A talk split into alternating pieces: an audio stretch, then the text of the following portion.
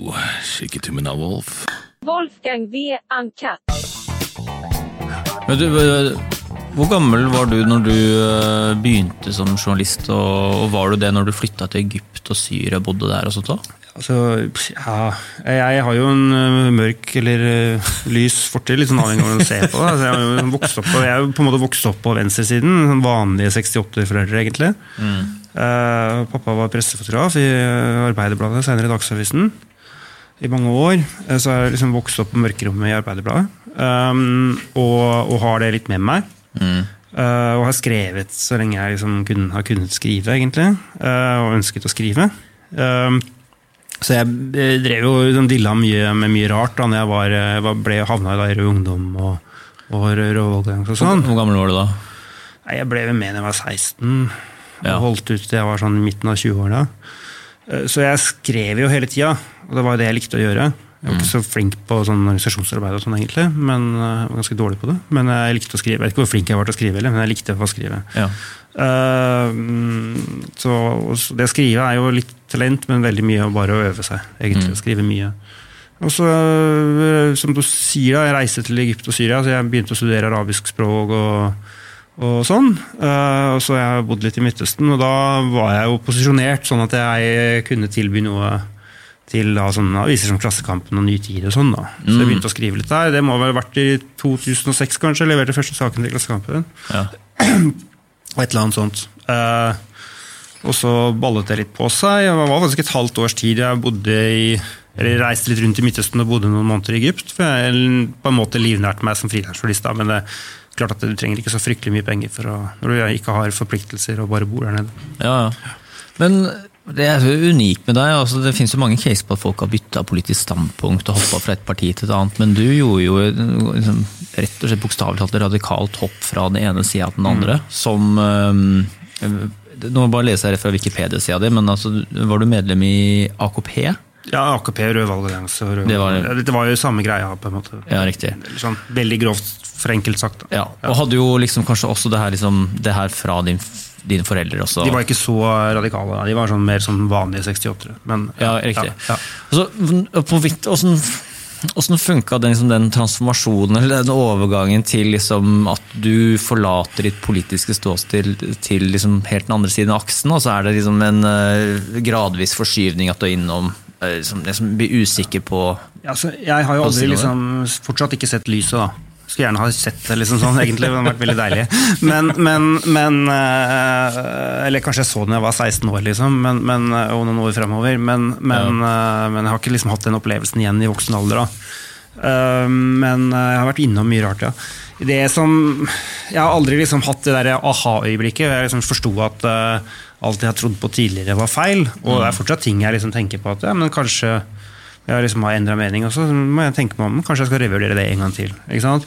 Eh, så det som, men det som, sånn, det som faktisk skjedde, sant, var at jeg, jeg skled litt ut av dette radikale miljøet jeg var en del av. Fordi ikke så mye eh, Ikke ut fra noen sånn politisk overbevisning, men bare at jeg, jeg gikk litt lei. Jeg var ikke jeg var jo ganske sånn høyt oppe i valgallianse, og sånn, men jeg fikk liksom ikke, jeg ble aldri sånn, eh, noen stjerne der. Det var ikke noen, igjen dårlig på organisasjonsarbeid. Sikkert ikke verdens mest karismatiske fyr heller. Ikke sant? Det er ikke det som er mine styrker. Uh, og så begynte jeg å studere og syntes det var veldig gøy. Da. Eh, og særlig eh, språk. Jeg syntes det var veldig veldig spennende og veldig artig. Eh, angrer fortsatt litt egentlig på at jeg ikke fortsatte med det. Ja. Det er virkelig noe av det morsomste jeg har gjort, å studere språk. Aldri for sent. Nei, aldri for for Uh, jeg, var ganske- altså, jeg tok en bachelorgrad i arabisk og var ganske flink. Og holdt på med den år. Og, og så skjedde det Det var jo et ganske sånn ekstremt miljø, og det skjedde mye rart i det miljøet. Og eh, eh, det var en sånn periode hvor det var altså, jeg- Da jeg, jeg på en måte dro fra Oslo, da, så hadde det vært en periode hvor det har vært veldig mye bråk med høyreekstremister, nynazister, og slåssing og sånn.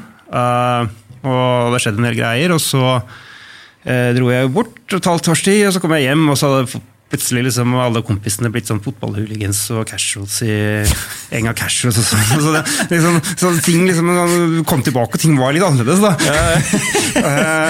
og, og, Nytt fokus. Ja, litt sånn nytt fokus, og det, det, det er det klarte ikke jeg helt å være med på over til. da, Jeg var nok ikke typen til det heller. Uh, Eh, eh, hang, hang for så vidt liksom av og til med noen av de folka, men ikke, noe- ikke noe mer enn det. Ja. Um, men eh, så det liksom Det skled litt sånn gradvis bort fra meg, uten at det var noe jeg valgte selv, egentlig. Og det miljøet ble veldig hardt, da. Og, og samtidig så liksom skjønte jeg jo at uh, det å studere var veldig, veldig gøy. Uh, og så, liksom, som en følge, liksom, følge av bare en masse tilfeldigheter en gang, egentlig, så fikk jeg plutselig en sommerjobb i VG. Og da tenkte jeg at da kan jeg ikke være medlem av Rød valgallianse lenger, eller Rødt. Da. Så da meldte jeg meg ut. Jeg husker ikke helt om det var før eller etter man hadde bytta navn. Eh, da hadde jeg ikke vært aktiv på et år, eller ett og et halvt år eller noe sånt heller. Ja. Og da ble folk Altså ikke, ikke sånn, eh, ikke sånn uh, Bjørnar Moxnes og den typen folk, men altså de folkene som jeg hadde hengt med, de ble skikkelig sure. ja. Ja, Men det som svik. Ja, det var et svik. Det var ikke liksom det var ikke det at jeg endra politisk mening, eller sånn, men det at jeg begynte å jobbe i VG. på en måte. Å, ja. Og, og at jeg var der da, og at jeg liksom hadde slutta med politikken, det var eh, Det var uh, Fallitt i deres øyne. Ja, det var liksom Det var nesten uh, utilgivelig. Ja. Så, så um, Så det var liksom uh, Det var forberedt på det, eller? Altså, du mista Nei, ikke helt. Ikke da. Ikke da, ikke da. Jeg skjønte det ganske kjapt at det her altså det er klart at Hadde jeg liksom da øh, bestrebet meg på å være liksom den rødeste journalisten i den norske journaliststanden, så kunne jeg kanskje ha klart å balansere det på en eller annen måte. Men det var også vanskelig. ikke sant? Fordi eh, jeg har jo sagt at eh, sant, De aller fleste journalistene jeg jobbet med i VG, sånn, de hadde ikke den typen politisk bakgrunn som jeg hadde. Og I den grad jeg hadde vært med i noe, så var det sånn uskyldige greier. ikke sant? Natur mm. Ungdom eller Unge Venstre eller sånne type ting. Ja. Så jeg hadde på en måte, Hvis du googlet Lars akkurat, så ville du funnet masse rart. ikke sant? Ja. Så jeg var veldig opp, Og det var det noen, ikke mange, men noen mente at det liksom, ok, men her må vi passe litt på. ikke sant? Så jeg ble veldig opptatt av å bevise at jeg kunne ta en, alle typer saker. da, Og skrive alle mulige typer ting. Og det er helt klart at når jeg ser liksom på det i dag, så var det at, det at jeg valgte det, da, og at jeg valgte for eksempel, å liksom bevise at ja, men jeg kan skrive kritisk om innvandring, f.eks. Mm. Eh, det har også bidratt til at jeg liksom havna der jeg gjorde nå. Fordi, fordi liksom, når du skriver om sånne type ting, så, eh, ja, så begynner du å stille spørsmål da, ved ting du har liksom tenkt og trodd på. ja, riktig. Ja. Så du ble interessert i de nye perspektivene og, som du så, da, liksom, og gjorde kanskje en stund øvelse alle bør gjøre en gang iblant, men liksom å være litt djevelens advokat? Ja, jeg, jeg liker jo på en måte å være det også litt, da. Altså det, og jeg liker jo liksom å, å uh, Jeg har alltid likt Hvis noen liksom Hvis alle går i én retning, så liker jeg å gå i en litt annen retning. Og se om er det noe her som som eh, eh, som jeg på en måte kan eh, spesialisere meg på. Nå har jeg ikke så mye tid til det nå i Resett, men, men det, det, er mye det jeg har holdt på med tidligere. Da. Så litt sånn som etter 22. juli, som selvfølgelig var en helt forferdelig hendelse, og en veldig viktig hendelse.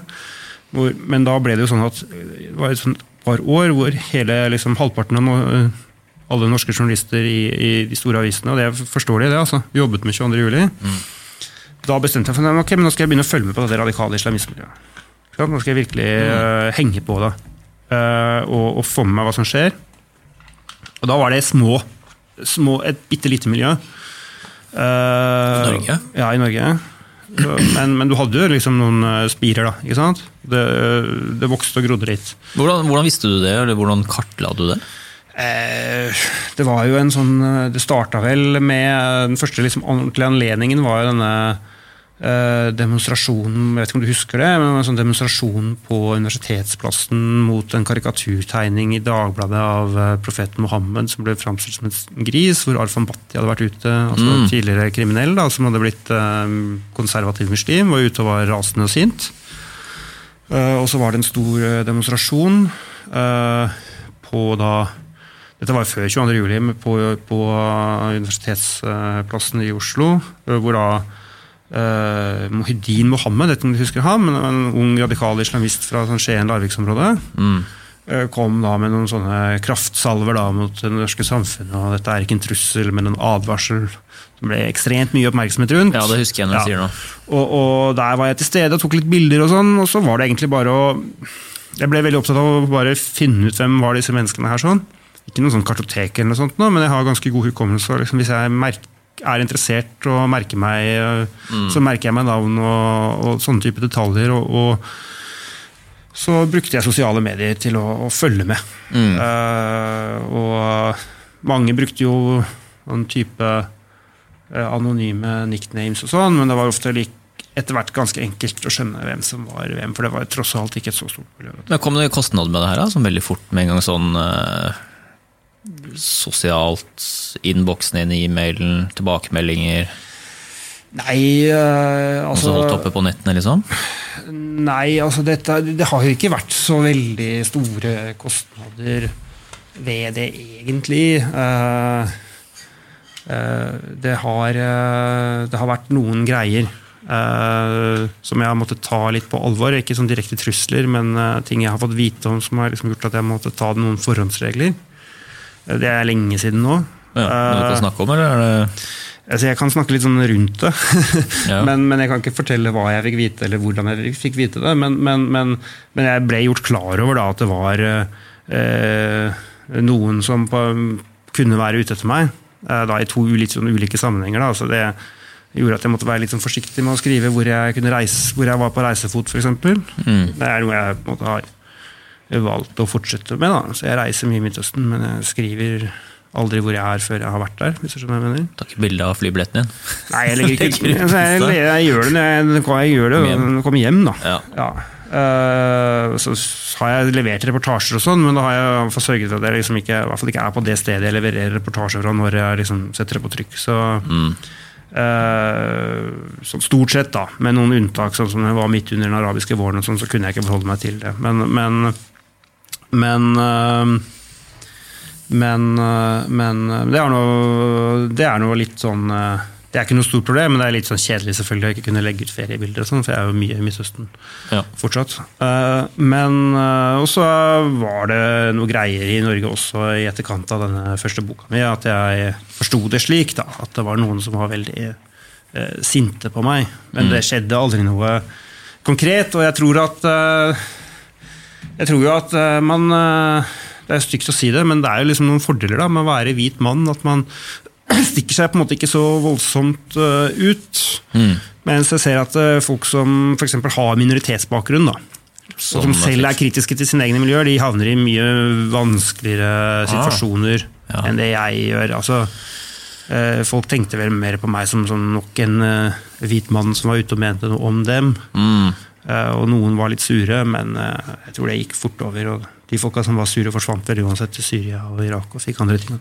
Bare tenke på en Lars Aker her. Men de litt sånn, eh, skal vi bare under paraplyen ubehagelighetene, kom det fra, fra islamistmiljøer, eller var det liksom fra rett og slett norske antirasister som Nei, altså eh, Jeg har aldri fått noen Jeg har aldri opplevd trusler eller noe sånt noe fra det antirasistiske miljøet. Det har jeg ikke. Eh, altså Dette var snakk om eh, personer i den, begge de siste tingene, snakk om ting som hadde tilknytning til personer i det norske radikale islamistmiljøet. mm. Uh, som jeg, på en måte, måten jeg gjort, ble gjort klar over det på, gjorde at jeg måtte ta det alvorlig. Da. Ja. Men, men uh, jeg tror at dette er for de fleste Dette er for lengst glemt, om ikke glemt, så i hvert fall uh, neppe så viktig for disse personene lenger nå. Uh, Mm. Mens eh, når det gjelder det antirasistiske miljøet, så, så har jeg aldri eh, hørt eh, så mye. Mest på Twitter, det kanskje? ja, men det er helt andre folk. Det er ingen sånn gamle blitzer og sånn på Twitter. vet du. Er ikke det det? Eller bortsett fra Stein Lillevolden, da. Men, men, men han er jo en veldig hyggelig fyr. Men det er klart at jeg vil jo ikke liksom eh, eh, altså Hvis jeg går forbi Blitzhuset, så ser jeg meg litt ser jeg meg en ekstra gang rundt ryggen. Ja. Ja, det gjør jeg. Men eh, bortsett fra det, så går det veldig greit.